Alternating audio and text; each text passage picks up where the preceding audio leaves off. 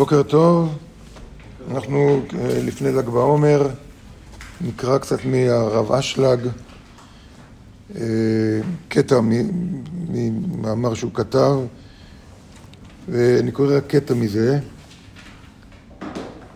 אה,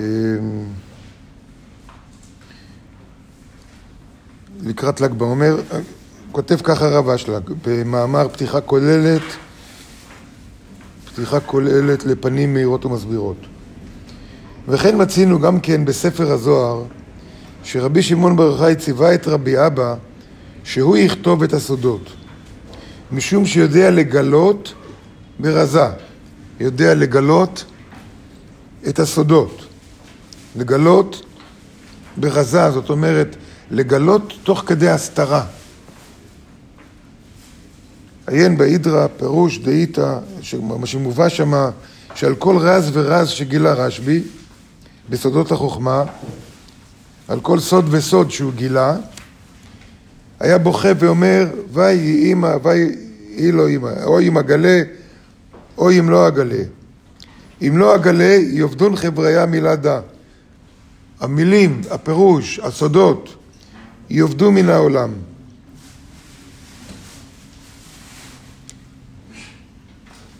ואם אגלה, ינדעון חייב היה איך למפלח למרעון. ידעו הרשעים איך לעבוד את הבורא. קראנו פעם את הפסוק הזה, נתנו לזה פירוש מסוים, אבל פה הרב אשלג נכנס לזה מכיוון אחר. פירוש כי היה צר לו מבית צדדים, כך כותב הרב אשלג. כאב לו. מה שהוא לא יעשה, הוא היה בדילמה. מה שהוא לא יעשה, מה שהוא לא יהיה טוב. בבית צדדים.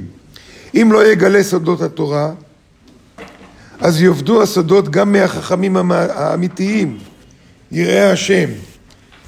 כי רבי שמעון, מצד הנשמה שלו, הכל היה גלוי לפניו. אם הוא היה משאיר את זה אצלו, הוא יוצא מן העולם, אז גם החכמים הבאים אחריהם, אנשים ישרים, לא היו יודעים את הסודות. מצד שני, אם יגלה הסודות, אז ייכשלו בהם אנשים ש, שעוד לא ראויים, שלא יבינו הדברים בשורשם, ויבואו לאכול פגע. אותו חטא של אדם הראשון, שכתוב שהחטא של אדם הראשון שהוא אכל, הוא אכל מהעץ כשהוא פגע, מהפג זה אה, עוד לא בשל, עוד לא בשל. יבואו לאכול, מה זאת אומרת, מה, איך זה קשור ללימוד קבלה? שבן אדם לומד קבלה והוא עוד לא בשל, הוא כמו ילד קטן שמעמידים אותו בפני אתגרים של מבוגרים, או בפני דילמות מוסריות של מבוגרים, או בפני דברים אה, כמו ענייני מין וכאלה, ילדים קטנים, עוד אין להם יכולת להתמודד עם זה, אז מבחינתם הנושאים האלה הם עוד בוסר, או הם בוסר. הם עצמם עוד בוסר להתמודד עם זה.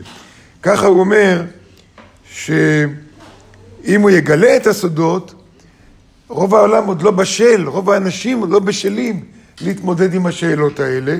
אין להם כלים, אין איך להתמודד עם זה, ולכן יאכלו פגע. זאת אומרת, בסך הכל הם יפסידו במקום להרוויח. על כן בחר רבי שמעון בר יוחאי ברבי אבא שהוא יכתוב. למה רבי אבא?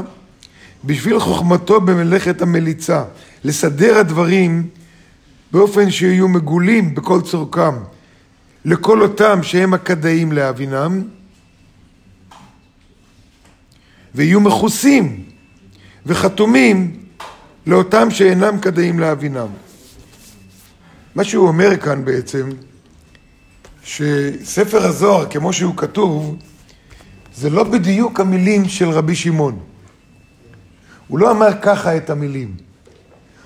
הוא דיבר, הוא לימד, ורבי אבא כתב את זה בדרך, זה היה היכולת שלו, כתב את זה בדרך שמי שמבין, מבין, מי שלא מבין, לא מבין. לכן אנחנו בעצמנו קוראים בזוהר הרבה קטעים, ולא מצליחים להבין מה כתוב שם. רבי שמעון גילה שם שדות, למה אני לא מבין אותם?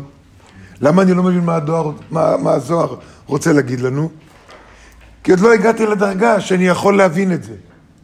מי ש... זה כמו לקרוא את הספרים של איינשטיין. או ספרי מדע למיניהם, בשביל להבין את זה אתה צריך ללמוד מדע קודם.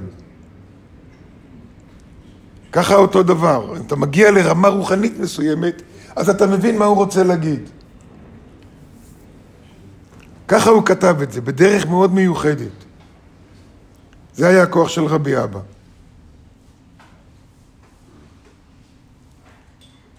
לסדר את הדברים באופן שיהיו מגולים לכל אותם שהם הראויים להבינם. ויהיו מכוסים וחתומים לאותם שאינם כדאים.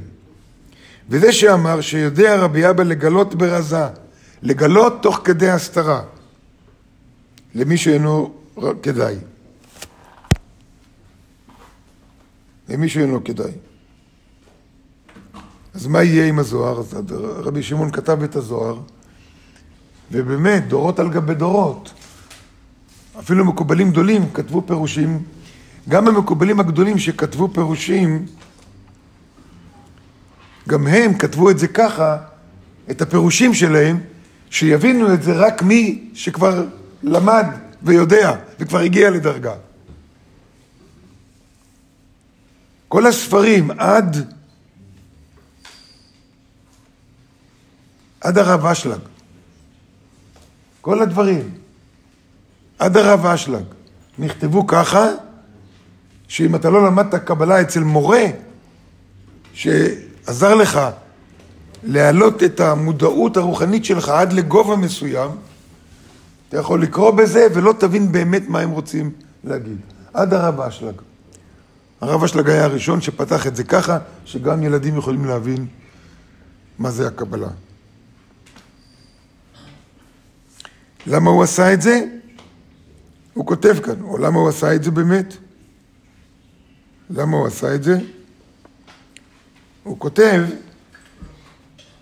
אומנם הבטיחו לנו בזוהר הקדוש, מה, מה כתוב בזוהר? דעתידה חוכמתה דע להיגלות לגמרי בסוף יום היה. החוכמה הזאת עתידה להתגלות בסוף תהליך התיקון. בסוף תהליך התיקון. הזוהר כותב את כתב במפורש, ואפילו לקטנים, אפילו ילדים, ילמדו זוהר וקבלה.